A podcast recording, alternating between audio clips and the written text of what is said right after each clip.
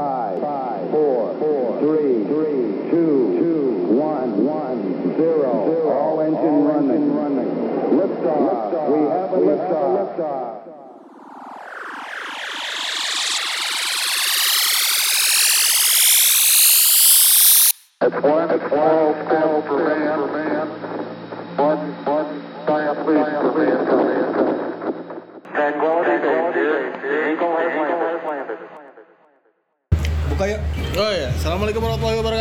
Lagi di Ormas, organisasi mas, eh organisasi, obrolan master. Walaupun belum master semua, hari ini kita akan ngobrol-ngobrol santai di ini kita sebutin tempatnya gak sih biar jadi apa namanya sponsor C gitu Ngarep. dibayar berapa apa tempatnya kita lagi di Ivory Cafe Ivory apa sih namanya Everjoy. wah salah nyebutnya Everjoy Cafe Skip, di skip, skip. Hotel Ivory. Oh iya, Perjoy Coffee di Hotel Ivory itu. Hari ini sudah ada gua Rio, ada Adli, Aim, Jordi, kemudian kita kedatangan Lutfi dan istrinya, dan kemudian ada Dean yang sama-sama sudah master tapi saya belum dan Adli juga belum. hari ini ini ini udah ini episode keberapa ya? Harus Kelima, kelima. Jadi isunya dari saya kan seorang yang sangat kritis ya. Kritis. gue Udah- melihat udah dijungkah. gue melihat stigma-stigma di Indonesia itu kan banyak banget macam-macamnya kayak salah satunya yang paling yang paling concern ke kita nih sebetulnya paling dekat juga pendidikan. Pendidikan tuh kayak eh, misalnya gampang-gampang kalau gue dulu ya.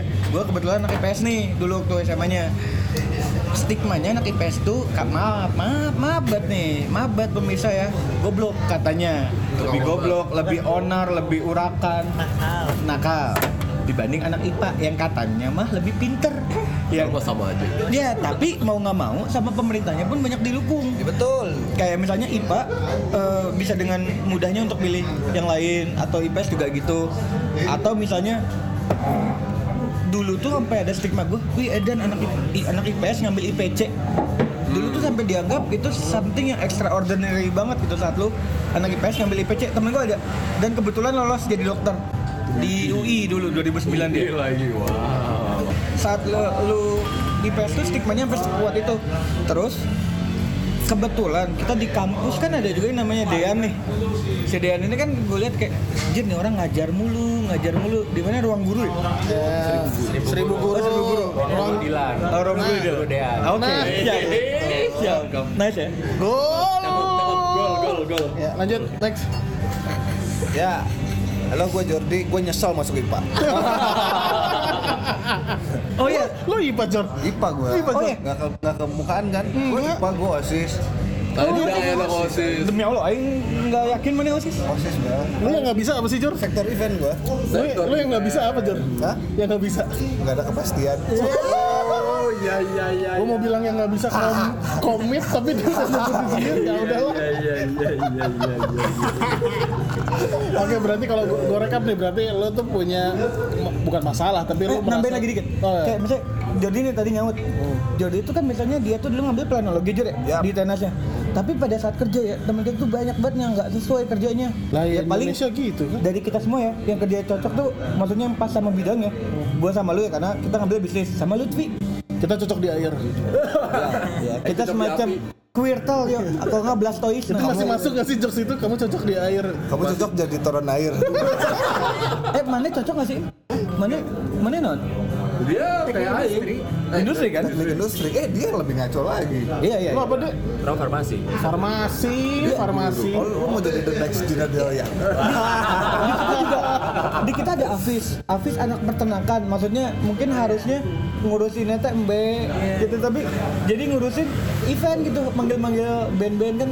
Bukannya gue bilang nggak boleh cuma maksud gue bayangin gak sih kalau stigma awalnya ya bayangin kalau Indonesia tuh yang kuliahnya bener itu nanti telurnya tuh istilahnya dimasaknya bener gitu. Wah itu orang jadinya berapa banyak pak?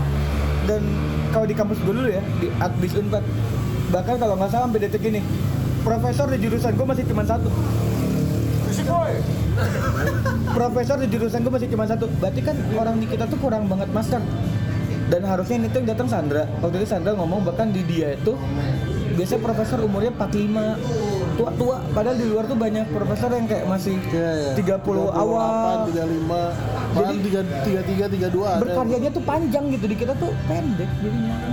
Ya, oke oke. Oke, nah balik lagi nih ke eh, pendidikan yang cukup dasar dari SMA ini tuh rootsnya jadinya ke mana-mana dari apa yang kata Adi bilangin tadi. Gimana coba kalau misalnya dari SMA tuh kita emang bener-bener udah bisa ngikutin passion kita mau ke arah mana gitu.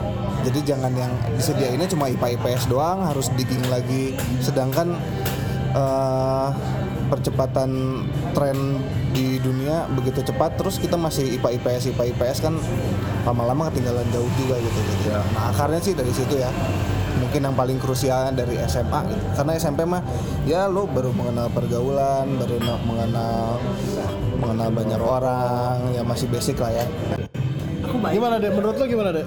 Lo ada tanggapan apa nggak? Eh, mungkin sedikit beda sama Jordi atau sama Adli. Kalau gue sih ngelihatnya kayaknya kalau lihat dari sistem kita waktu dulu ya, kita baru dikasih penjurusan IPA IPS itu waktu kelas 2 kan ya. ya Menurut gue mungkin kalau untuk eh, masalah nanti kita penjurusan yang mau ke arah passion kita ke arah mana mungkin itu bisa. Cuma gue nggak tahu nih belum belum bisa ngepastiin Bu- bukan belum bisa ngepastiin belum bisa ngebayangin kira-kira kapan. Cuma mungkin satu tahap eh, yang ditarik yang ditarik mundur dari yang sudah ada yaitu penjurusan IPA IPS pada saat kelas 2 mungkin menurut gue eh, tahap paling terdekat adalah yang paling mudah pada penjurusan IPA IPS itu pada saat kita kelas 1 itu lebih mudah. Menurut gua kayak istilahnya lu belajar IPA tiga tahun dibandingkan dengan dua tahun itu lu bakal lebih kuat. Iya sih, begitu juga pada saat setuju. lu belajar IPS lu dikasih waktu untuk belajar tiga tahun ketimbang dua tahun lu bakal lebih kuat gitu. Jadi misalnya lu kalau pada saat lu yang suka sama pelajaran IPS ya lu dikuatin pada saat lu SMP gitu. Begitu juga yang lu suka sama IPA dikuatinnya pada saat di SMP supaya nanti pas lu SMA kelas 1 lu udah jelas gitu arah lu ke mana gitu. Kayak misalnya gue bahkan pas gue S1 itu bidangnya ada empat. Itu istilahnya kita belajar eh, semua bidang itu kita pelajarin secara kulitnya doang gitu. Jadi istilahnya pada saat kita eh, ditanya yang lebih dalam itu kita nggak tahu gitu. Karena mungkin istilahnya yang yang kita pelajari terlalu luas gitu. Itu selalu gue denger dari orang tua orang tua sih maksud gue dari yang levelnya udah senior gitu. Mereka selalu bilang di Indonesia mah kalau diajarin semua, tapi kalau di luar negeri orang diajarinnya spesifik A ya A, B ya B. ya Plus minus sih kalau gue lihat, cuman kayaknya kalau makin ke sini makin kerasa nggak sih minusnya kayak menurut gue gue setuju banget sama Dian kalau pendidikan kita tuh waktu penjurusan tuh harusnya dari kelas 1 bahkan kalau bisa setelah lulus SD gitu loh makin muda lo mulai menentukan hidup lo mau apa ke depannya lo makin makin lebih serius ya sih maksudnya jadinya Setuju. persiapannya lebih panjang gitu ya jadi si uh, lifetime krisisnya lebih cepat duluan ya nggak sih iya iya iya iya, karena dengan kita bisa- umur segini kadang masih banyak nggak sih kalau teman-teman kita yang Masih decide, galau. anjing gue mau ke yang mana ya mau ke fokus ke yang mana ya Ya, sampai hari ini pun gue juga jadi merasa seperti itu. Iya. Susah banget untuk bisa menemukan ah ini gue nih. Tapi begitu dicemplungin tuh ah terlalu terlalu menantang nih kayaknya gue nggak sanggup untuk terus karena waktu gue makin menipis, makin menipis gitu. Apalagi di Indonesia kan waktu lu kerja atau lu bisa nyari kerja tuh sampai umur 27 di mana orang biasanya lulus umur 21 22 habis itu lu nyoba nyoba kerja A B C D B iya men- mending kalau lu bisa langsung dapat kerja atau pengalaman di lapangan. Lah kalau enggak atau kalau kuliah lu telat gitu misalnya Nah, Ya. lo ngomongin kerja itu juga yang pernah waktu itu gue obrolin. Kenapa di Indonesia SMK itu juga, lo ngomongin SMK ya, stigmanya jelek banget. Kayak gue ya dulu di Jakarta nih, SMK itu stigmanya hampir pasti anak tukang tawuran. ya Padahal eh, SMK ya kalau dikerjakan bagus itu bisa jadi eh, tenaga tenaga teknisi muda gitu. gue salah satu yang nyesel nggak masuk SMK loh? Iya maksudnya kan gue pribadi. Tapi di kita kan maksudnya kasarnya maaf ya mungkin dari kita yuk dengan keluarga kita dan lain-lain termasuk bukan hanya isu pendidikan ya jadinya. Jadi ngomongin isu sosialnya juga.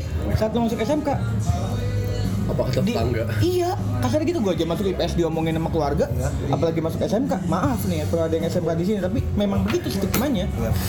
Dan kebayang kayak misalnya tapi udah udah kalau kalau masih cari tahu nggak informasi terakhir? Jujur gue kalau secara detail banget enggak tapi contohnya nih gue punya eh, ya gue punya bisnis sama keluarga gue terus kayak gue tipe yang kadang suka ngajak ngobrol karyawan gue satu-satu. Believe it or not ada karyawan gue sekarang jadi supir eh, apa supir di kantor dia tuh SMK lulusan kayak semacam arsitek muda gitu jadi sebetulnya dia tuh bisa gambar coy dan gue waktu itu Wandi coba lihat hasil gambarnya bagus coy yang udah di rendering 3D dan gue mikir Oh, parah coy. asli maksudnya eh, Oh, maaf. ya maaf. Ya?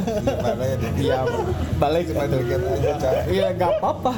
Emang bener di Indonesia oversupply sih hampir di semua bidang kayak pernah sekali waktu semua orang jadi HI pernah Kayak sekali waktu kita semua orang bidang kita paling banyak yuk ekonomi. Semua Iya, orang jadi bisnis. semua orang lagi jadi bisnis. entrepreneurship lagi naik nih. semua orang IT semua orang jadi IT emang kagetan kalau nggak ini gue pernah nemu tulisan ini pernah dibahas waktu kita kelas HR eh, tentang human resource kalian kelas masuk nggak sih Masuk. Masa sih? Masuk sih. Masa? Iya pernah ada omongan Masuk, gitu. Jangan ngomongin aib. Ya ada obrolan bukan obrolan ada ada statementnya gitu. Kalau di Indonesia tuh oversupply hampir di semua bidangnya. Terus kita jumpy banget musiman gitu loh. Kayak sekarang lagi musimnya orang IT sekarang musimnya orang akuntansi. Terus eh, jadi si supply sama demand tuh nggak pernah ketemu Ap- apalagi kayak kayak gini nih contohnya. Gua aja ya waktu dulu mau masuk plano tuh cukup dikuatkan dengan Ridwan Kamil mau cal- nyalon juga tuh. Oh. gua jadi di si plano kan. Oh. oh penataan kota kayaknya cukup menarik juga nih. Pas gua masuk oh ternyata ya ilmunya kayak gini banyaknya memang kebijakan gitu. Dan multi tafsirnya banyak. Hmm. Tapi itu juga karena gue sekarang lagi bersinggungan di perusahaan yang emang berhubungan dengan arsitektur ya. gue menemukan banyak orang yang di luar bidang arsitektur sekarang berani ngambil job arsitektur di orang yang nggak punya kompetensi di situ. Maksudnya apa ya bukan gue meremehkan yang lain cuman arsitektur itu kan lu berhubungan dengan sipil kan? Lu berhubungan dengan kekuatan bangunan yang di mana itu nanti ada orangnya. Eh, bukannya gue ragu dia nggak bisa tapi dia sudah certified nggak untuk menghitung itu gitu maksudnya kapabilitas kapabilitas itu dan di bidang yang lain juga sama yang gue pertanyakan sebenarnya Sebetulnya salah bukan di mereka menurut gua.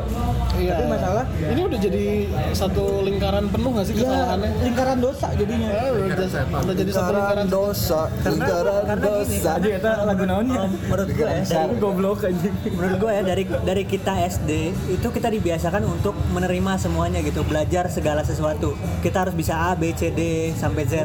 Kita harus bisa segalanya sesuatunya sendiri gitu. Beda sama di luar negeri gitu. Di luar negeri itu satu orang tuh spesifik hanya punya satu skill gitu. Sedangkan di kita rata-rata tuh eh, bahkan eh, sampai-sampai gini. Ada teman gue cerita kayak "Bo- di suatu perusahaan eh, si bosnya suka nanya kayak misalnya lu lulusan mana sih Eh, misalnya dia bilang teknik industri. Hmm. teknik industri mana? Telkom. Oh dalam pikiran dia oh lu bisa IT ya? Lu bisa ngoding kali? Lu bisa ya kayak gitu gitu maksudnya dalam pikiran-pikiran di masyarakat luas gitu eh, biasanya seseorang tuh dituntut untuk bisa berbagai skill gitu. Nggak nggak nggak nggak cuma satu bidang yang dia harus kuasai tapi semua bidang dia harus kuasai jadi itu yang jadi kebiasaan kita dari karena memang dari SD seperti itu Jadi, jadi kayak lu dari kecil didedet supaya tahu banyak, supaya bisa banyak. Lu jadi nggak tahu lu harus fokus di mana. Lu lulus dengan kemampuan yang setengah-setengah, yang cetek. Kemudian lu di hire sama orang, orang yang nuntut banyak sama lu. Iya. Di mana harusnya satu job desk ya satu aja. Lu dibayar angka sekian juta, tapi lu disuruh semuanya. Terus itu berulang ke anak lu, terus ke cucu lu, ke cicit lu, terus kayak gitu terus. Ya kemudian kita tidak akan ke mana-mana kan seperti ini terus mungkin bisa start mungkin ini mungkin ya gue nggak tahu pendapat gue stigma stigma ini tuh harus hilang dulu sih maksudnya da- bukan dengan cara kampanye atau apa at least dari kita dulu lah Iya. Maksudnya naikin dikampanyekan sih, yo. maksud, Nah. maksudnya naikin obrolan ini juga kan maksudnya menyadarkan kayak awareness harus naikin dulu. Kalau ini ada something wrong kayak orang nggak pernah bakal sadar kalau dia misalnya gue samurat nih gue nggak pernah bakal benar-benar tahu gue samurat kalau gue nggak ngecek ke dokter. Mungkin bisa aja mikir oh bekak doang. Oh kepelitak doang tapi kan lu harus ngecek darah gitu. Pasti Ayu ngomong beli itu samurat kali. Tapi kan itu kalau dokter mah enak udah udah ngerti tanda-tandanya. Lah kalau gue asam jawa lu. Asam Jawa naon? Asam semurah. oh. Ah. Kurang Iya, ngerti. iya, soalnya si stigma itu yang malah buat kita. Tapi gue jujur sih, maksudnya di lapangan sendiri ketika gue meng-hire orang, terus gue memperkerjakan orang kadang-kadang gue suka suka nggak percaya skillnya dia emang bener gak sih? Itu gitu. misalnya dia kemampuannya emang di bidang manajemen gue gue taruh dia misalnya jadi manajer toko. Kadang-kadang gue juga ini orang bener bisa kerja nggak ya? Ya gitu. kayak ini dia ngerti operasional nggak ya? Nah gitu. Operasional atau lu fokusnya di mana di marketing kalau di gua nih sales. Nah. sales itu cuman pandangannya asal bisa jual padahal harusnya sales itu bisa juga menaikkan nilai dari arti dari marketing ya? Iya. arti dari marketing itu menaikkan sebuah nilai bukan hanya menjual. Ya. terkadang menyampaikan pesannya. Benar sales itu hanya bagian kecil dari marketing. Bener kan? Dan saat harusnya sales gue itu bukan hanya sales menjual barang gitu. Harusnya ada patokan-patokan lainnya yang kadang kalau di gue ya kalau lo tahu misalnya kalau pedagang retail tuh banyaknya sales jadi pendidikan maaf pendidikan rendah anak S, anak S1 gitu nggak bakal ada yang mau ngambil kalau sales yang kayak di gue ya. Karena mikirnya ah gini ah gitu ah gini kayak gitu. Ya karena stigma stigma lagi. Jadi sebetulnya banyak pekerja kita jadi nggak maksimal. Rootnya itu dari menurut pendidikan yang kurang maksimal. Itu baru di kota loh. Belum nanti yang kita mau bahas di segmen kedua kita. Kan kita mau ngomongin si Dean ngomong eh, apa pendidikan lebih jauh ya Pedalaman, pedalaman. nih kalau dari Budok kan juga gue pernah ngomong tuh Iya. dia ngomong nyari asisten aja kan agak susah nggak gampang karena pendidikannya ya gitu Lagian dari pemerintah kita juga nggak pernah ngasih data eh, di bidang-bidang apa itu eh, butuh berapa orang gitu. Yap. Kita nggak pernah tahu gitu.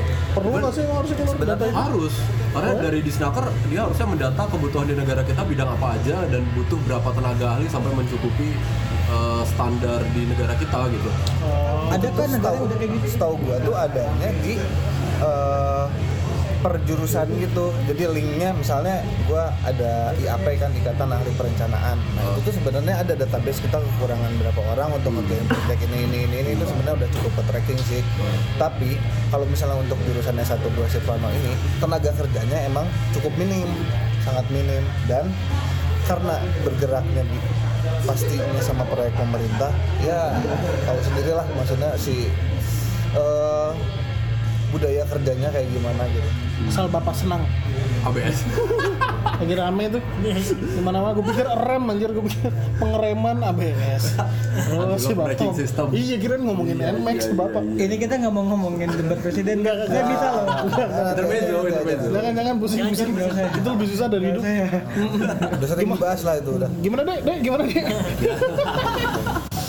Oh, stigma terakhir juga nih, di kita ada swasta negeri. Itu juga rame sih. Oh, iya. Kayak tadi gua ngomong, kebetulan gua sama Dean ini sama-sama anak Unpad. kebetulan gue anak unpar Iya. Kebetulan gue daftar. Iya, bentar, bentar. Nanti Gua baru diomongin, nanti baru diomongin. Di sini yang anak negeri cuman gue sama Dean.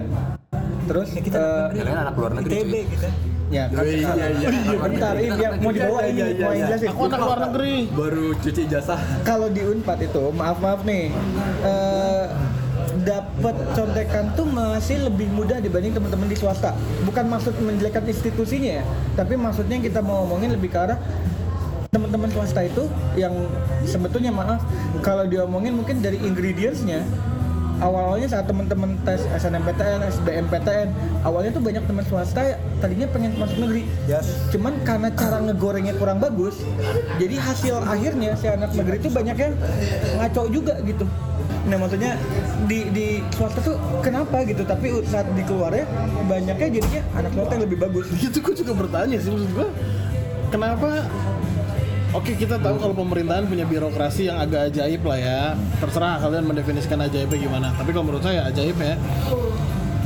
Ya udah terserah deh. Tapi itu sampai ke level, gue pikir pemerintahan doang. Ternyata sampai ke level eh, negeri Apa maksudnya universitas negeri gitu kalau di swasta mungkin gue ber- berpikir apa jangan-jangan karena dia ada nilai yang harus dijaga, akreditasi yang harus dijaga, kemudian Ya, ya.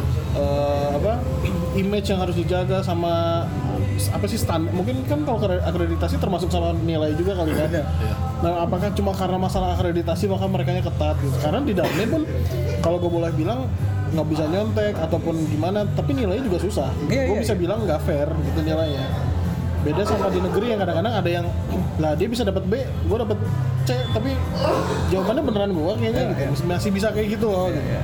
gue nggak tahu itu maksudnya itu kasus perorangan atau gimana cuma kalau ada yang bisa menjawab kenapa bisa ada cerita seperti itu gue sih mau banget denger. Ini bukan karena guanya nggak bisa mendengar opini atau apa pun ya gue sangat open minded pada hal itu. Apa kalau ada yang bisa menjelaskan ya di negeri lebih cuek orangnya atau di negeri lebih santai karena apa gue sih mau banget pengen tahu asli karena universitas negeri tuh mungkin ini menurut gue ya alasan kenapa orang pengen masuk ke universitas negeri karena ketika lu cari kerja perusahaan tuh nyari yang universitas negeri dulu gitu Iya iya, emang emang emang.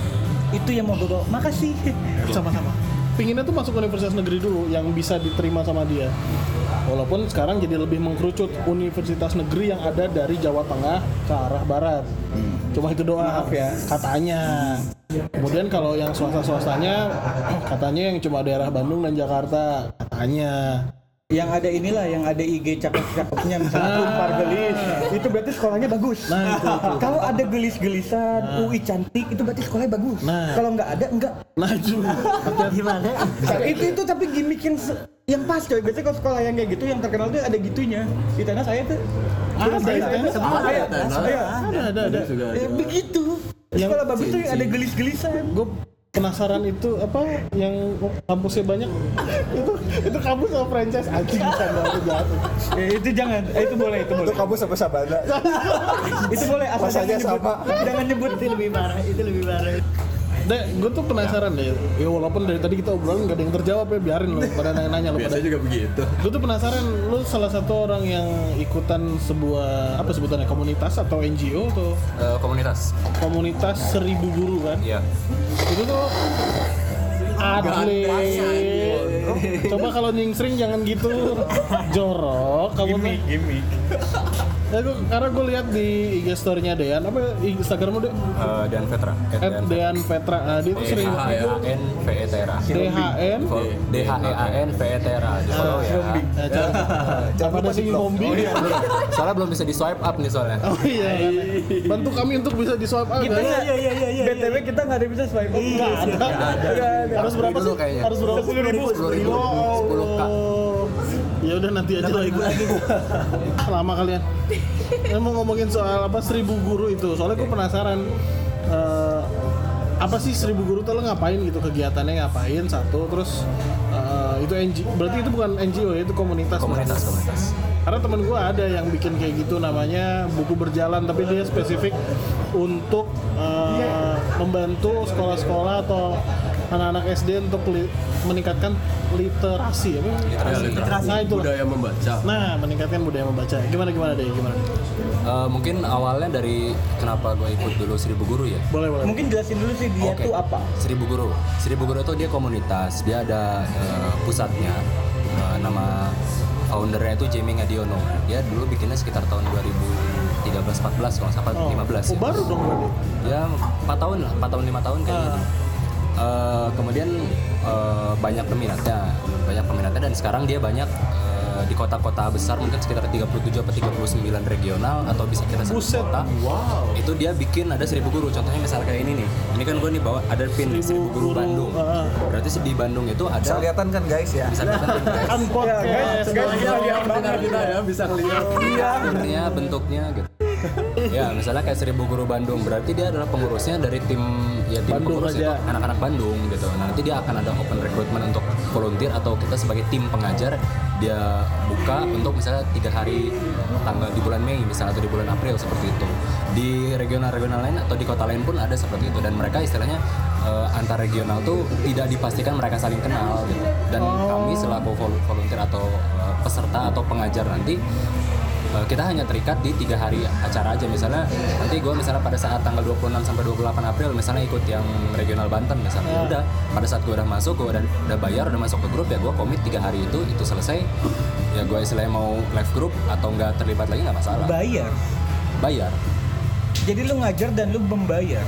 Bayar bukan istilahnya bukan bayar mungkin lebih berdonasi. Karena kita Oke. donasinya itu satu itu untuk kaos eh, apa istilahnya untuk kaos dari si volunteernya kemudian untuk kayak pin ya mungkin merchandise nggak terlalu urgent kali ya Eh, yang lebih ditekankan pada saat berdonasi itu kita mendonasikan seperti alat tulis, tas dan segala macam untuk anak-anak di SD itu karena target dari si seribu guru ini adalah sekolah-sekolah di pedalaman gitu Di sekolah-sekolah pedalaman, ya? pedalaman, iya. Berarti bukan yang ada di pinggir Tronojoyo Trono gitu. bukan Atau di pinggir Merdeka gitu. bukan Oh, Ah. Pedang. Anda Ya, emang ada SD di sini. itu SD-nya megangnya iPhone. Seriusan emang ada SD Tronojoyo? Enggak, yang merdeka. Merdeka. Oh Merdeka iya. iya. Kamu anak merdeka kan dulu? Saya Banjarsari. Eh, Tuh, jangan kan. Ya emang kenapa? Emang Banjarsari nama Saya nggak pakai iPhone. SD-nya megang iPhone. Enggak kok masih masih pakai koin. zaman mana ya anjir? Mana tahun sabra SD anjir? Ya, ntar lah. Iya. Masih ada Panji Manusia Milenium. Sekarang Panji manusia milenial. Itulah ya anjir. Candanya murah ya. Nah terus eh, lu volunteer tapi lu bayar juga. ya Lu nginep di sana. nginep di sekolah atau di rumah warga Emang pedalaman tuh Weekend pasti eh, kalau yang dua hari yang Sabtu Minggu kita berangkatnya biasanya Jumat sore sampai atau Jumat malam tergantung mereka eh, estimasi perjalanan ke sekolahnya. lu berarti udah volunteer di pedalaman lu bayar. Pedalamannya tuh berapa seberapa dalam sih? sedalam? Eh, kita pernah dulu di pantai eh, di daerah Sukabumi di pantai yang selatannya banget dan pernah eh, salah. Jadi kan dulu ada ada istilahnya ada timnya ya, ada pengurusnya, mereka yang survei segala macam. Kita yang survei eh, si timnya itu yang survei segala macam sementara kita volunteer itu hanya ngajar doang. Nah, kenapa si timnya itu pada suatu saat dia milih salah satu sekolah? Karena di sekolah yang lain itu ada yang kondisinya lebih lebih menyedihkan sampai pada saat eh, ditanya itu dibilang eh, saking jauhnya ya sampai ditanya eh, warganya itu cerita gitu. Eh, kalau kita mah eh, Kang eh, A Mas gitu kan kalau misalnya sakit warganya tuh lebih baik mati aja. Soalnya saking jauhnya sama sama sama kotanya. Jadi kalau sakit ya udah mending mati aja. Udah nggak ada udah nggak ada istilahnya kalau sakit kita ke kota itu terlalu jauh dan jalannya bebatuan dan kendaraan itu sulit gitu. Eh, seribu guru itu ya. banyaknya SD, SMP, SMA atau gimana sih? targetnya Hmm. targetnya selalu SD Oh SD. targetnya selalu anak SD kelas 1 sampai kelas 6 Karena karena memang mungkin masih gampang dibentuk Iya. Iya. Dan dasar kayaknya banyak jadi banyak lebih banyak tenaga kerjanya ya nggak sih? Ya. Menguasai Ya. ya. Kalau goalsnya, goalsnya sendiri dari seribu guru itu apa sih? Seribu guru itu kan kegiatannya dua sebenarnya. Eh, secara umum itu dia kegiatannya dua, ada TNT sama TNG. Kalau TNT itu traveling dan teaching, traveling and teaching. Kalau TNG itu teaching and giving. Traveling and teaching berarti artinya kita traveling sama mengajar. Kalau teaching and giving kita ngajar sambil berdonasi. Biasanya kalau TNG itu cuma satu hari. Eh, kalau pas yang traveling and teaching jelas nanti kita traveling cuma misah dengan anak-anaknya Eh, istilahnya nggak dilibatkan pada saat travelingnya pada saat teachingnya kita ya terhadap anak-anaknya cuma yang kita teaching kan atau yang kita sharingin ke anak-anaknya itu pengetahuan umum kayak misalnya pahlawan Indonesia peta Indonesia hewan dan tumbuhan bencana alam segala macam seperti itu emang itu nggak nggak diajarin sama sekolahnya bang? Kayaknya diajarin diajarin nggak ya? Apa jangan-jangan saking dalam itu sekolah kurikulumnya beda 10 tahun sama yang di kota? gue juga kurang tahu sih diajarin nggak ya. Cuma yang jelas biasanya kita tuh misalnya dalam satu kegiatan nih misalnya nanti pada saat 26 28 itu dari kan ada enam kelas tuh berarti ada enam kelompok. Si enam kelompok ini dia tuh punya tema yang beda-beda. Nggak misalnya kelas 1 temanya tentang eh, bencana alam kelas 2 juga nggak kayak gitu. Bisa jadi kelas 1 tentang bencana alam yang kedua tentang pahlawan yang ketiga tentang peta Indonesia gitu 1 sampai 6 biasanya Se- beda-beda sejarah ngajarin nggak? sejarah. sejarah selama se dari 10 kali kegiatan gue selama ikut belum pernah gue dapat bagian sejarah belum pernah. Terus tadi lu belum sempat cerita kenapa jadi alasan lu pribadi apa ikut yang kayak gitu? yang pertama gue jalan-jalan ya. Nggak dipungkiri gue bener kayak ngelihat orang-orang wah jalan-jalan ke luar negeri kayaknya asik banget gitu. Atau misalnya jalan-jalan dalam Indonesia juga kayaknya enak banget. Cuma gue sadar gue istilahnya nggak punya duit sebanyak itu buat main doang gitu istilahnya meskipun eh, istilahnya pada saat HTM itu HTM kita ikut seribu guru ya lumayan Berapa sih? range 300 sampai 700 lah range 300 sampai 700 per event Pokoknya akomodasi lah itu ya. akomodasi termasuk ya perjalanan kita sana. Oke oke. Nah, cuma gue istilahnya dengan ikut kegiatan itu kita bisa traveling yang jelas tempatnya nggak jelek-jelek banget gitu. Cuma kita bisa enak gitu, bisa eh, seru-seruan gitu di pada saat kegiatan traveling itu dan pada saat itu gue pengennya ya mungkin ada niat kurang tulusnya pada saat awal-awal. Aduh, pengen eksis saat awal-awal. pada saat awal-awal ada perasaan udah pengen eksis pengen traveling gitu kayaknya enak gitu kita, kita ikut kegiatan sosial itu ada perasaan di awal gitu cuma pada saat kita udah terjun itu yang kita rasakan justru kita melihat eh, bahwa banyak sekali masyarakat di Indonesia itu yang secara ekonomi, secara kesempatan untuk eh, menempuh pendidikan itu nggak seberuntung kita gitu. Pernah suatu saat gua ikut eh, kegiatan di Kayak Seribu aing boleh. Oh, aing boleh. Kurang atau aku, tapi boleh, jangan boleh baper apa kalau aja pakai aku. Asal jangan siang ya. Oh, oke. Aku baper ya. Aduh. Jadi Baik baik baik. dulu baik. pernah eh, ikut yang kegiatan Seribu Guru salah satunya. Gak tahu kenapa itu dulu dimasukin anak SMA ke sana. Sempat Untuk jadi volunteer. Eh, untuk jadi peser, eh, untuk jadi anak yang kita teachingkan ya. Oke. Jadi kita ngajarnya selain anak SD, ada anak, Anak SMP, SMA. ada anak SMA juga. Itu sekali kalinya. Nah dia pernah cerita waktu itu dia udah keterima di salah satu universitas negeri, tapi karena dia nggak punya uang, dia nggak bisa. Dia jadi nggak nggak ngelanjutin. Orang tuanya nggak punya uang gitu. Dia Nah, nggak berarti dia udah lulus. dia udah lulus. Dia udah masuk ke dalam salah satu PTN cuma gua nggak nanya PTN apa. Cuma karena nggak punya uang dia cerita di situ sampai nangis. Ya jadinya sama orang tuanya nggak dikasih gitu. Kata orang tuanya udah men- mending kerja aja di ladang gitu di sawah gitu. Terus gua mikir dulu aja waktu S1 gua kadang-kadang bolos. Pas S2 juga kadang-kadang bolos. Sering kayak kan, bukan kadang-kadang. eh, sebenarnya sih. Enggak sih, mengoptimalkan kuota absen. ya betul Tapi kayaknya dia muka-muka bolos deh. ah lu belum tahu aja kayaknya Kayaknya. Husnuzon. Enggak, lu lu deh lu cerita soal itu orang pengen kuliah terus lu refleksikan diri lu, lu aja kuliah masih suka bolos. Iya. Lah gua nggak lulus lulus kampret. kampret. Cuma yang salah satu yang paling enaknya pada saat kita ikut eh, kegiatan eh, di pedalaman atau kegiatan kerelawanan itu, kita benar-benar dilatih bersyukur, cuy. Contohnya dulu pernah gue salah satu di di salah satu sekolah waktu di Bandung, gue pernah di regional Bandung. Itu anak sekolah dia nggak pakai sepatu, tapi pakai sendal. Dan sendalnya itu kekecilan. Jari-jarinya tuh sampai keluar dari sendalnya. Waduh, Mungkin overlap. jadi semuanya semua jarinya keluar gitu anak cewek kadang gue mikir mungkin dulu pas kita S1 atau S2 kita beberapa kali udah punya satu sepatu tapi pengen lagi aduh pengen punya sepatu merek A terus pengen lagi punya sepatu merek B gitu. Kayak kurang puas gitu. Tapi pada saat kita ngeliat loh ternyata di dalam itu jangankan mereka pingin punya banyak sepatu satu sepatu aja nggak punya gitu. Sampai mereka sekolah aja harus pakai sendal. Jadi kadang mikir ya udahlah daripada istilahnya kita punya uang untuk eh, dipakai untuk hura-hura atau mungkin untuk bersenang-senang atau mungkin untuk hedon segala macem kayaknya mending coba banyak orang yang lebih butuh deh gitu. Kenapa uang yang pada saat ini gue punya mending ikut kegiatan sosial untuk ya mungkin hanya berdonasinya mungkin tidak seberapa gitu. Untuk stigma sih sejujurnya gue belum pernah nanya sih ke anak ke anak-anak di pedalaman seperti apa. Karena dari beberapa jenis kegiatan relawan yang sempat gue ikutin ada hal-hal yang istilahnya kita khawatir sensitif terhadap eh, target kita gitu untuk, untuk ditanyakan.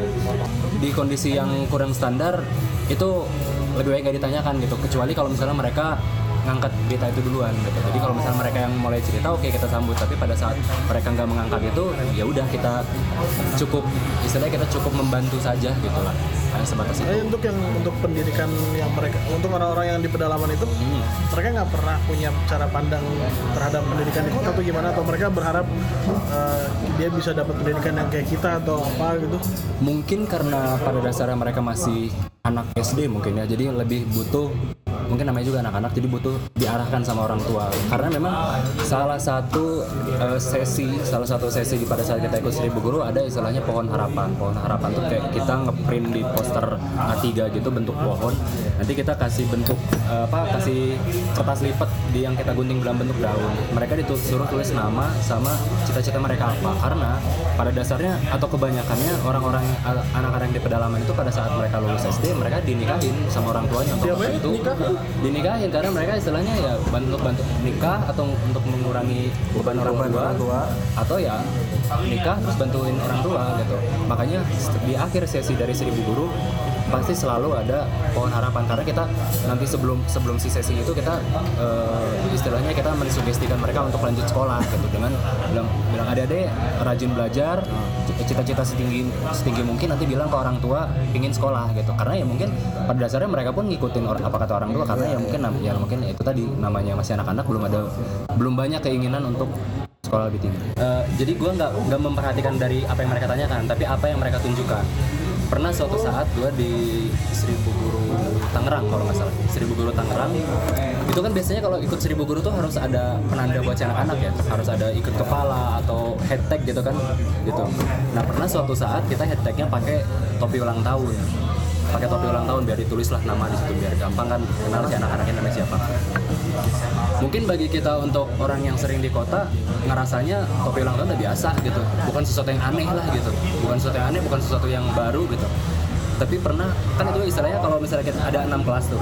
Misalnya gue saat ini ngajar kelas 1 ya. Kelompok lain yang ngajar kelas 2 kelas 3 gitu. Istilahnya persiapan untuk tiap kelas beda head tag-nya beda top, eh, topiknya juga beda. Misalnya gue ada saat ini kelas 1 ngajarin kelas 1 nah gue ngasih head tag ke mereka topi ulang tahun.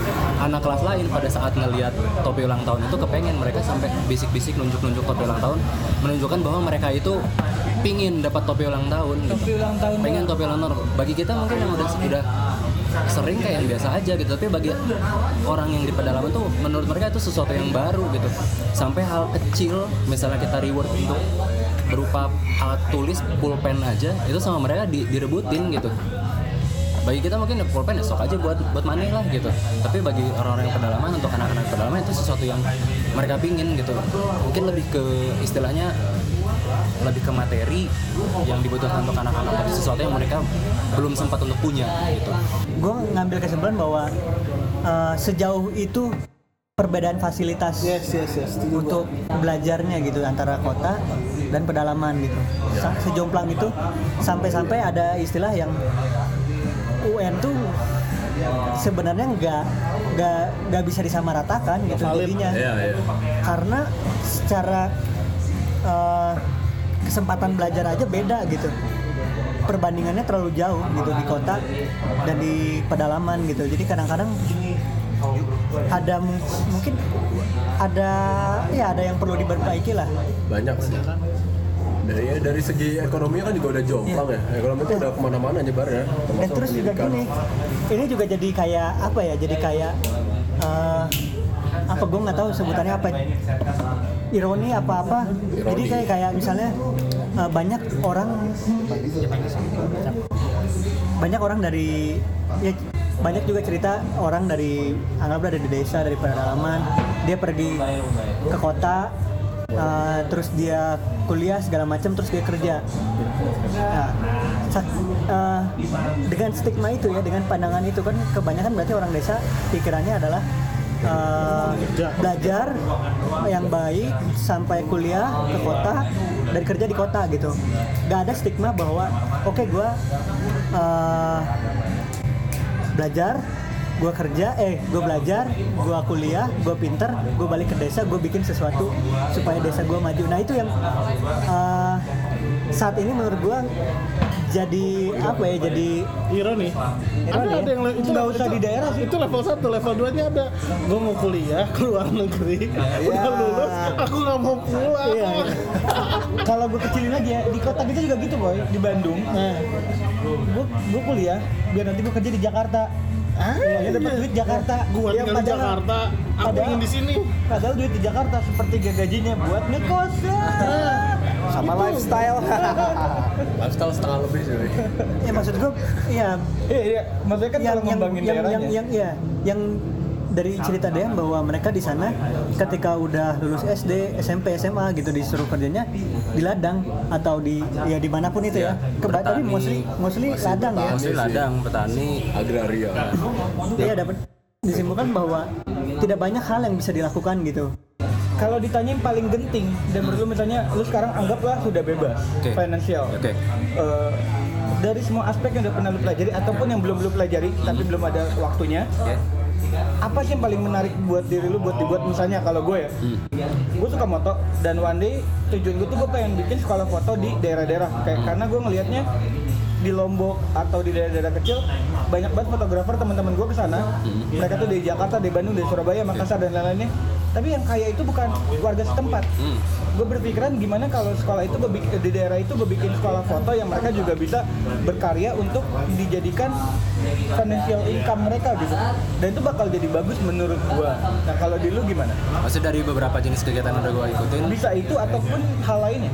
Eh, mungkin sejauh ini yang menurut gua paling urgent ya, yang paling urgent itu mengembangkan di pendidikan sebenarnya. Apa pengembangan apa? Mengembangkan di pendidikan.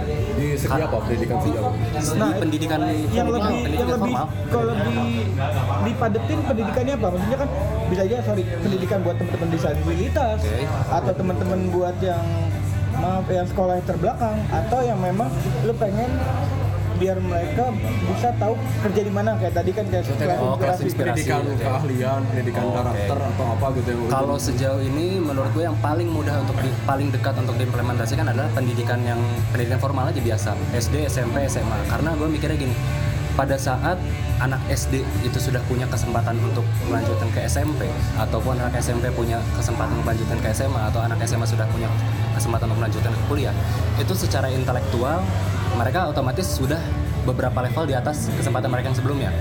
Dengan mereka punya intelektual yang lebih tinggi daripada sebelumnya, seenggaknya banyak hal yang mereka lebih aware. Salah satunya bisa tentang eh, sex education misalnya, mereka lebih mengerti tentang tentang sex education, mereka Yuk, lebih yuk, mengerti. Ah, enggak ya, Gitu. Atau di hal-hal lain, nah, karena istilahnya dengan istilahnya dengan misalnya gini eh, orang yang tadinya berjuang dari hanya pendidikan SD dia bisa tembus ke SMP atau dari SMP dia bisa tembus ke SMA atau dari SMA dia bisa tembus ke perkuliahan. Itu secara ekonomi harusnya jenjang karir mereka itu lebih tinggi daripada kalau misalnya dia fasenya itu tidak setinggi itu gitu nah dengan dengan dia eh, pendidikan dia lebih tinggi otomatis dia secara finansial akan lebih baik lah. Secara hitung-hitungan matematisnya ya.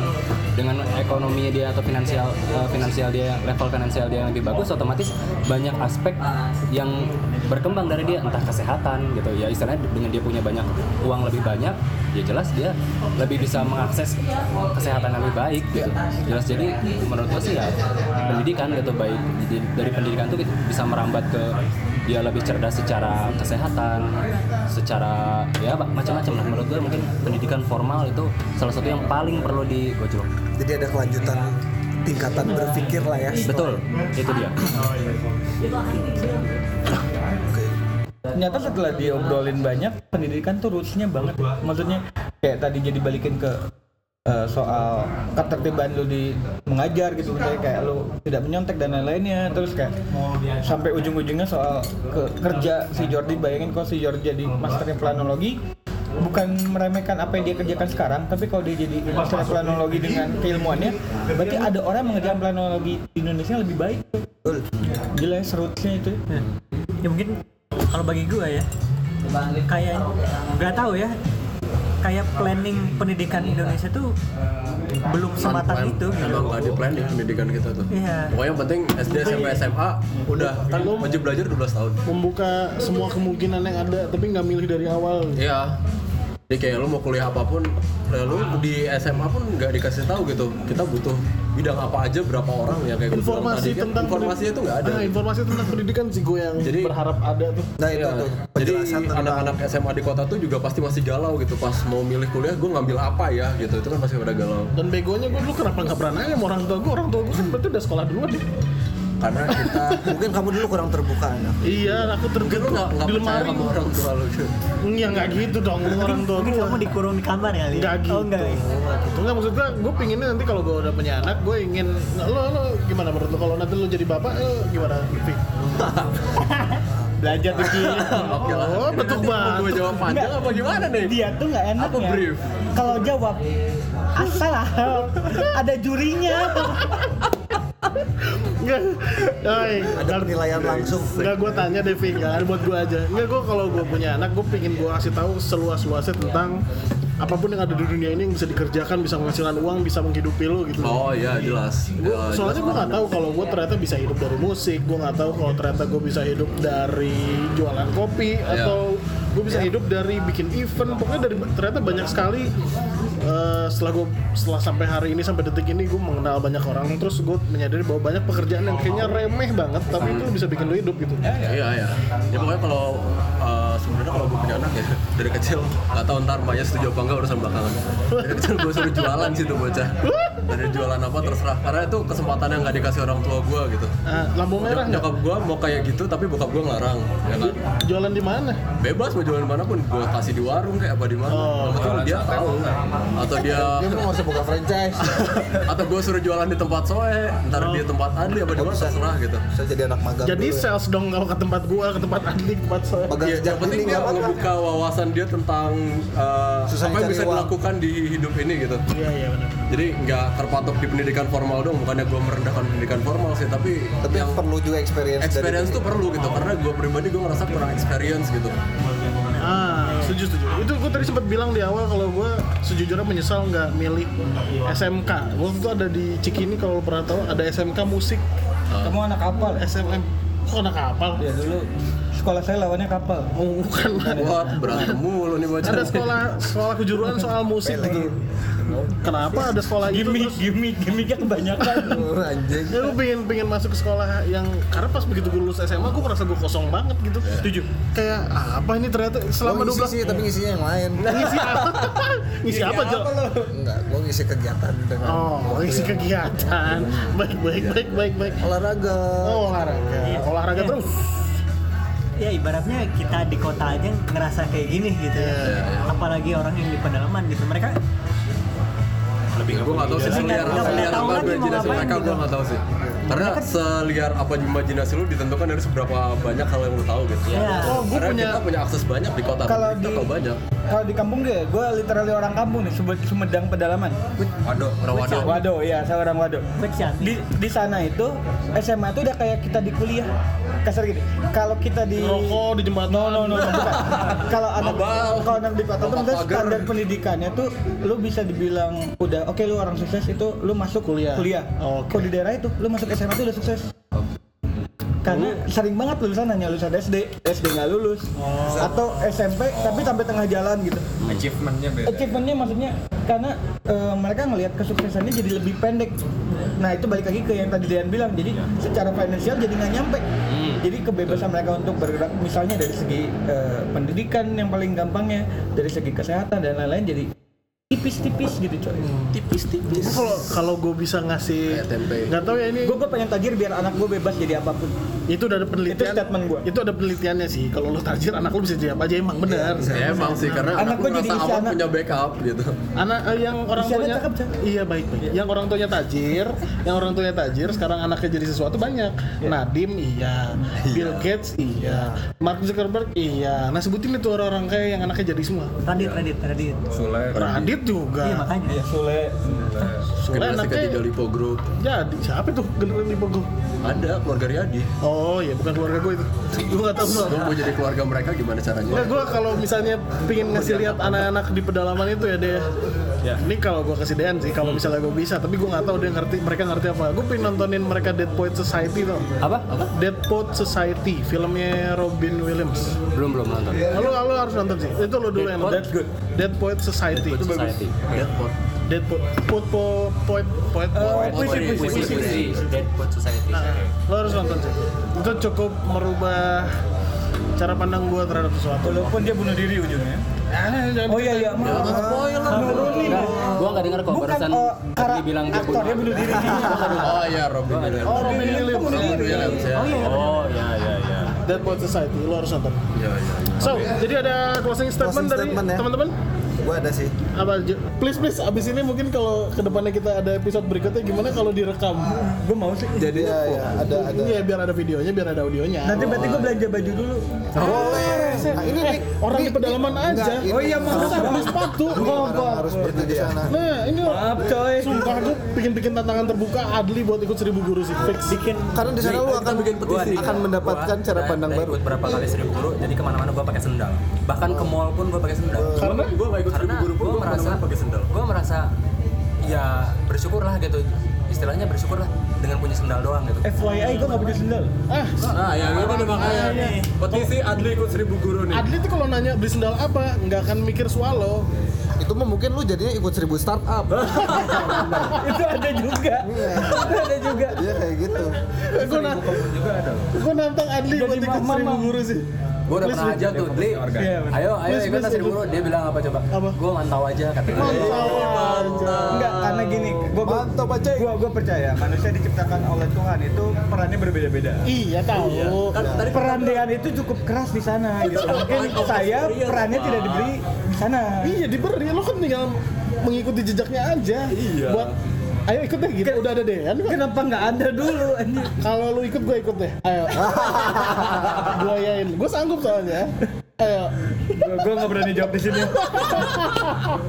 Kapan sih deh? Kapan paling dekat deh? Paling dekat yang Banten 2628 April penutupannya tanggal 8. Eh sosial medianya dia atau apa? Biar kita pada tahu. Masing-masing kota ada. Seribu guru Jogja, seribu guru Bandung, seribu guru Sukabumi. Oh itu hampir berapa tadi? Berapa kota? 37. 37 sampai 39. Kayak fans klub bola ya. Iya lah. Ada Madrid Bandung, Bahkan Madrid Papua juga Jakarta ada, cuy. gitu. Sampai Papua. Papua juga Lu paling jauh ke mana deh? provinsi udah ada.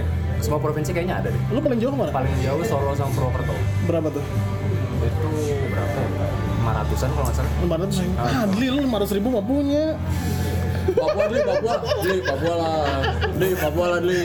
Enggak, gue gak pernah kepikiran sih Adli pernah ada jalan jauh ke alam terus susah sih, nggak mungkin. gue gak pernah kebayang sih Ada anjir. gue Enggak, tiga enggak. tahun berturut-turut jadi panitia ospek di, di alam gue tidur di tenda jadi gue biasa Eh, gua ketua ospek dulu beneran. iya terus kenapa Gua, gua ngerti begitu-gitu doang mah, cuman ya, Cuma sekarang bukan aja. pilihan gitu. Bukan jadi kepribadian aja beda. nah itu Coba. sih. Sejauh ini sebenarnya dari berapa kali yang udah diikutin tuh sebenarnya ada dua. Gue juga bingung sebenarnya milihnya apa ya di antara dua ini. itu, itu infrastruktur sama tenaga pendidikan. Infrastruktur sama tenaga pendidikan. Gue pernah salah satu eh, di Tangerang. Di Tangerang itu kita tahu SD ada 6 kelas kan, kelas 1, 2, 3, 4, 5, 6. Di Tangerang pernah di sekolahnya itu cuma ada tiga ruangan jadi ruang kelas itu cuma ada tiga gitu ya. Gimana bagi kelasnya gitu. Sementara kita yang di kota bahkan satu kelas aja bisa ada satu A satu B satu C kelas 2 juga segala macam. Ini ada satu sekolah yang cuma tiga ruangan. Kemudian toiletnya ditutupnya pakai gorden pintunya.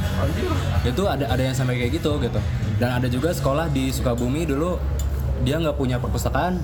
Itu jadi pas kita datang ke sana kita ngebangun perpustakaan di situ. Ada satu ruangan kita manfaatkan untuk bikin perpustakaan. Kita kasih lemari kita kasih buku dan itu salah satunya juga dari donasi masyarakat juga sempat di open eh, apa open, open donation juga. Oke sempat sempat open donation. Kita bikin perpustakaan di sana jadi itu mungkin ya untuk infrastruktur itu salah satu yang urgent karena ya secara fasilitas bisa dibilang kurang gitu. Sama tenaga pendidikan juga. Tenaga pendidikan tuh bisa dibilang mereka eh, untuk di pedalaman misalnya ada rata-rata mereka nggak kayak kita yang di Bandung misalnya kelas 1 ada satu ABC, 2 2 ABC. Ini mereka satu kelas saja cuma ada satu misalnya kelas 1, kelas 2, kelas 3, kelas 4, 5 gitu. Dan jadi gurunya pun ya sesuai dengan itu cuma 6 satu sekolah gitu. Jadi satu guru ngajar semua mata pelajaran. Satu guru ngajar semua mata pelajaran. Kayak di kayak di Laskar Pelangi. Iya, iya benar. Iya, guru itu kan ngajar sampai kelas 5 apa 6 kalau nggak salah. Dia ngajar ya udah sampai lulus Iya. jadinya. Anjing gokil. Iya.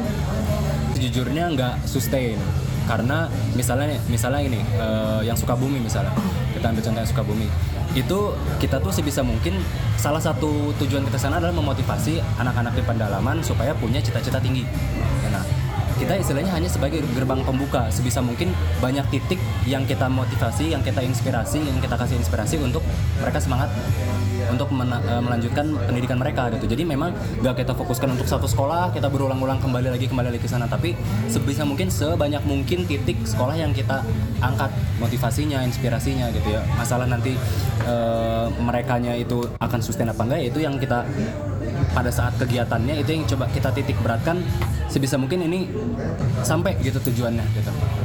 Mungkin kayak gitu sih yang jelas karena memang salah satu di sesinya itu adalah memberikan motivasi ke si anak-anaknya itu ada sama kita menanyakan cita-cita mereka itu apa juga ada gitu dan memang kalau misalnya boleh sedikit cerita rata-rata di pedalaman tuh mereka cita-citanya jadi pemain bola jadi apa ustadz polisi TNI gitu-gitu aja gitu nggak nggak terlalu banyak gitu ya karena mungkin pengetahuan mereka hanya berputar di sekitar situ Belum ada yang jadi beauty vlogger gitu. beauty vlogger belum ada kalau ini agak Punya internet aja belum tentu loh.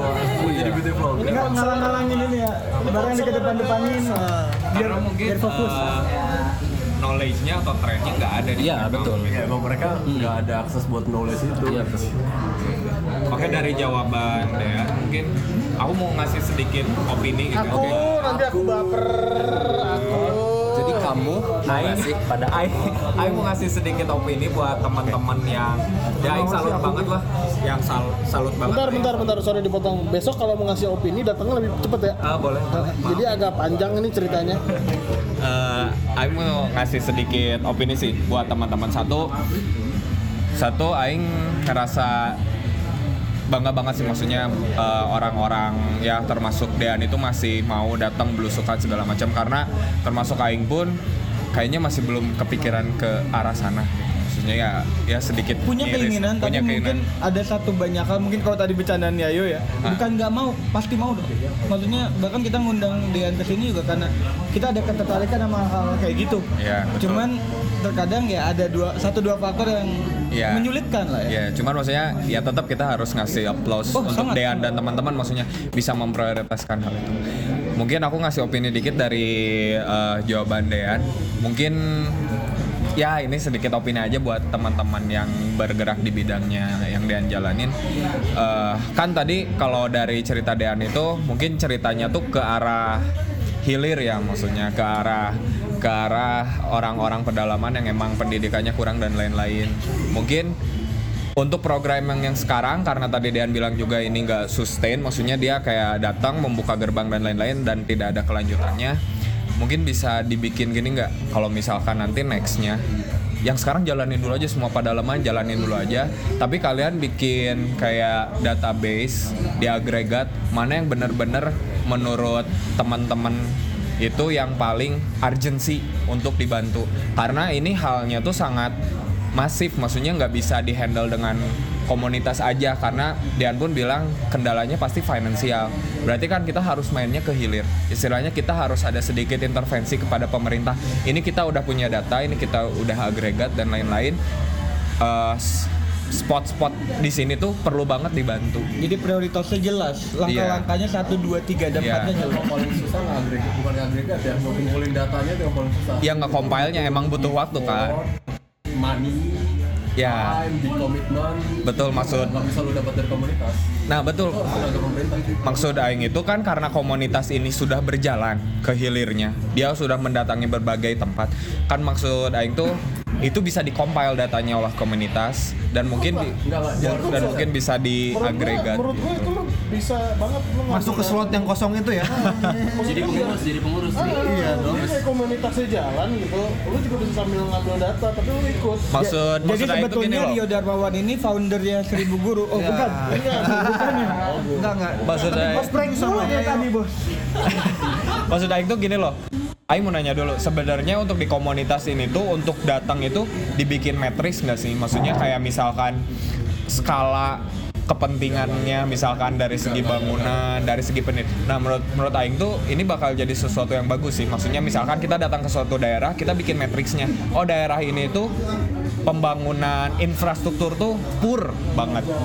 Nah, misalkan dari dari sistem pendidikan udah oke, cuman tenaga pendidikan masih kurang. Nah, maksud aku tuh compile data seperti itunya, nanti diagregat mungkin bisa lebih memberikan intervensi kepada pemerintah karena kita nggak mungkin komunitas aja yang tadi yang tadi Lutfi bilang gitu. kita harus ini ada so yang kerjasama juga. lebih dalam buat hal itu menurut gue ya. Ada lu pernah dengar nama Indonesia mengajar gak sih? Oh Indonesia mengajar. Itu Indonesia mengajar kayaknya lebih spesifik lebih dari dari dari yang lu omongin tadi ya. ikut kok? Itu kalau nggak salah lu komit harus sampai 2 tahun gak sih? Dua tahun. Tapi sekarang karena peminatnya kurang sekarang dipecah jadi kelas inspirasi. Jadi dia kayak seperti ada anak perusahaan dari anak kelas inspirasi. Kelas karena inspirasi ini kayak dulu angkatan angkatan gua tuh berlomba-lomba untuk masuk ke situ karena nggak semua orang bisa. Iya, Jadi proses Dan digaji. Nah, digaji. Proses, proses rekrutmennya serius. Gitu. Dan dia emang nurunin orang-orang yang mau ngajar di daerah yang punya kompetensi dan beneran. Jadi selama 2 tahun lu akan ada di daerah itu ngajarin anak-anaknya sama pinter.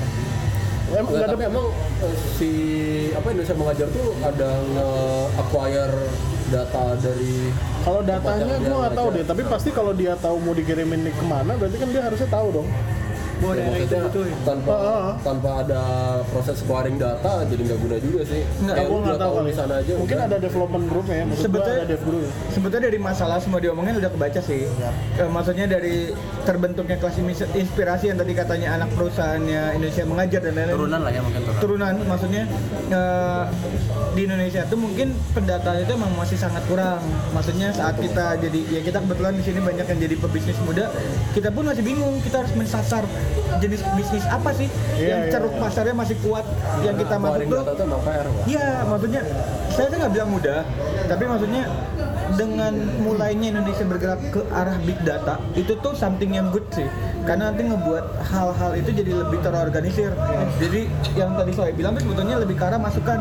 Kayak termasuk kayak tadi gue sempat ngomong mungkin ada bagusnya juga tanya ke anak-anak itu tentang stigma mereka terhadap kota Oke. maksudnya biar mereka juga jadi lebih paham kalau pendidikan tuh eh, bukan hanya di lingkupan mereka mereka harus tahu kalau ada kesempatan besar di luar buat mereka nanti ter- kalau bahasa Jordi ambisi itu bisa membuat orang terdorong mereka lebih berambisi untuk menyamaratakan menyamaratakan belum tentu jadi sama ya menyamaratakan apa yang mereka bisa buat mereka bisa raih di daerah mereka Ya. yang nantinya kalau kata Aing conclusion dari katanya Aim mereka bisa mengembangkan daerahnya lagi sendiri.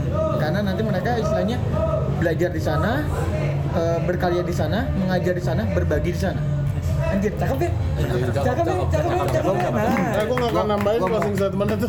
Ada lagi yang mau nambahin ya? Gua mau nambahin, gua mau nambahin nih. Habis Jordi. Eh, sedikit menambahkan juga yang dari Adli tadi. Kalau misalnya lu mau ngelihat potensi suatu daerah sebenarnya itu ada database-nya di BPS atau lu di RT RW dan RDTR di jadi si ada yang namanya sektor basis di mana si potensial daerah itu kuatnya di mana sih? Sebenarnya itu datanya ada. Oke.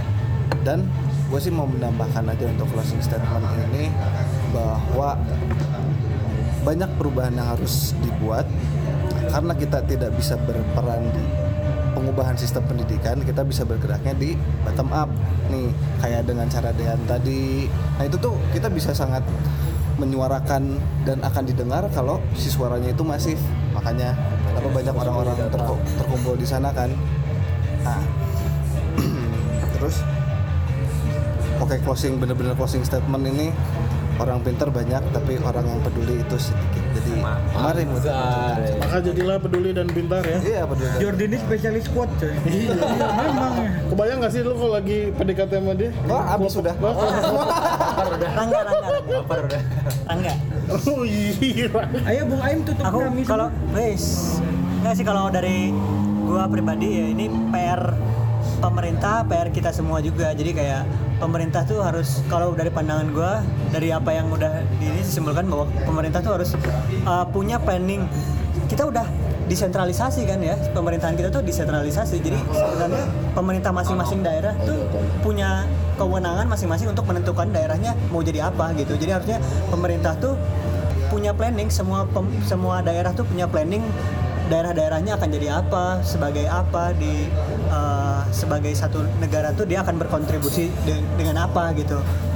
Uh, dan kita juga sebagai orang-orang yang punya ide-ide juga sebenarnya kita juga harusnya punya andil lah. Setidaknya kita juga uh, ya mungkin dengan dengan seperti ini dulu mungkin kita bisa berkontribusi untuk uh, sesuai perannya sekarang aja Iya, yang iya. semampunya aja. Semampunya dulu kita uh, berkontribusi untuk mungkin menyentil untuk kemajuan-kemajuan yang bisa banyak orang lakukan gitu. Ya, ini cukup membuat gua semangat untuk beresin tesis. Wey, Ya. Untuk selesai sebelum sebelum berperan untuk Untuk orang pendidikan lain. orang lain beresin dulu pendidikan sendiri Padahal lu kalau jawab gitu, Dli, gue gak akan nyerang lu lagi. Dede lu ada beresan lagi gak deh? nggak ba- nggak bagus-bagus banget ya nggak nggak puitis lah oh enggak dia kelihatan sih Oh maaf ya, maaf maaf nih. Cuma eh, mungkin eh, lebih mengajak eh, masyarakat Indonesia, mungkin anak-anak muda gitu ya. Cara kita bersyukur itu banyak dan kita akan lebih mudah untuk bersyukur pada saat kita udah tahu sesu- sesuatu yang di bawah. Dan mungkin untuk teman-teman untuk teman-teman mungkin yang udah dapat pendidikan tinggi atau sempat atau atau punya kesempatan untuk berkuliah atau berkarir tinggi, ada satu mungkin ada satu quotes ya buat semuanya bahwa kita itu perlu melakukan sesuatu yaitu melangit luas dan membumi tanpa batas. Jadi pada saat pendidikan kita tinggi, karir kita tinggi, kita tetap harus kembali ke masyarakat seluas mungkin. Itu puitis bisa. Iya. Oke, sekian aja dari teman-teman Ormas. Ada lagi, ada lagi. Udah, udah, cukup, cukup. Ini cukup panjang. Ya udah telepon mama. Dadah. Liftoff of mission 41B, the first flight of the orbiter Discovery, and the shuttle has cleared the tower.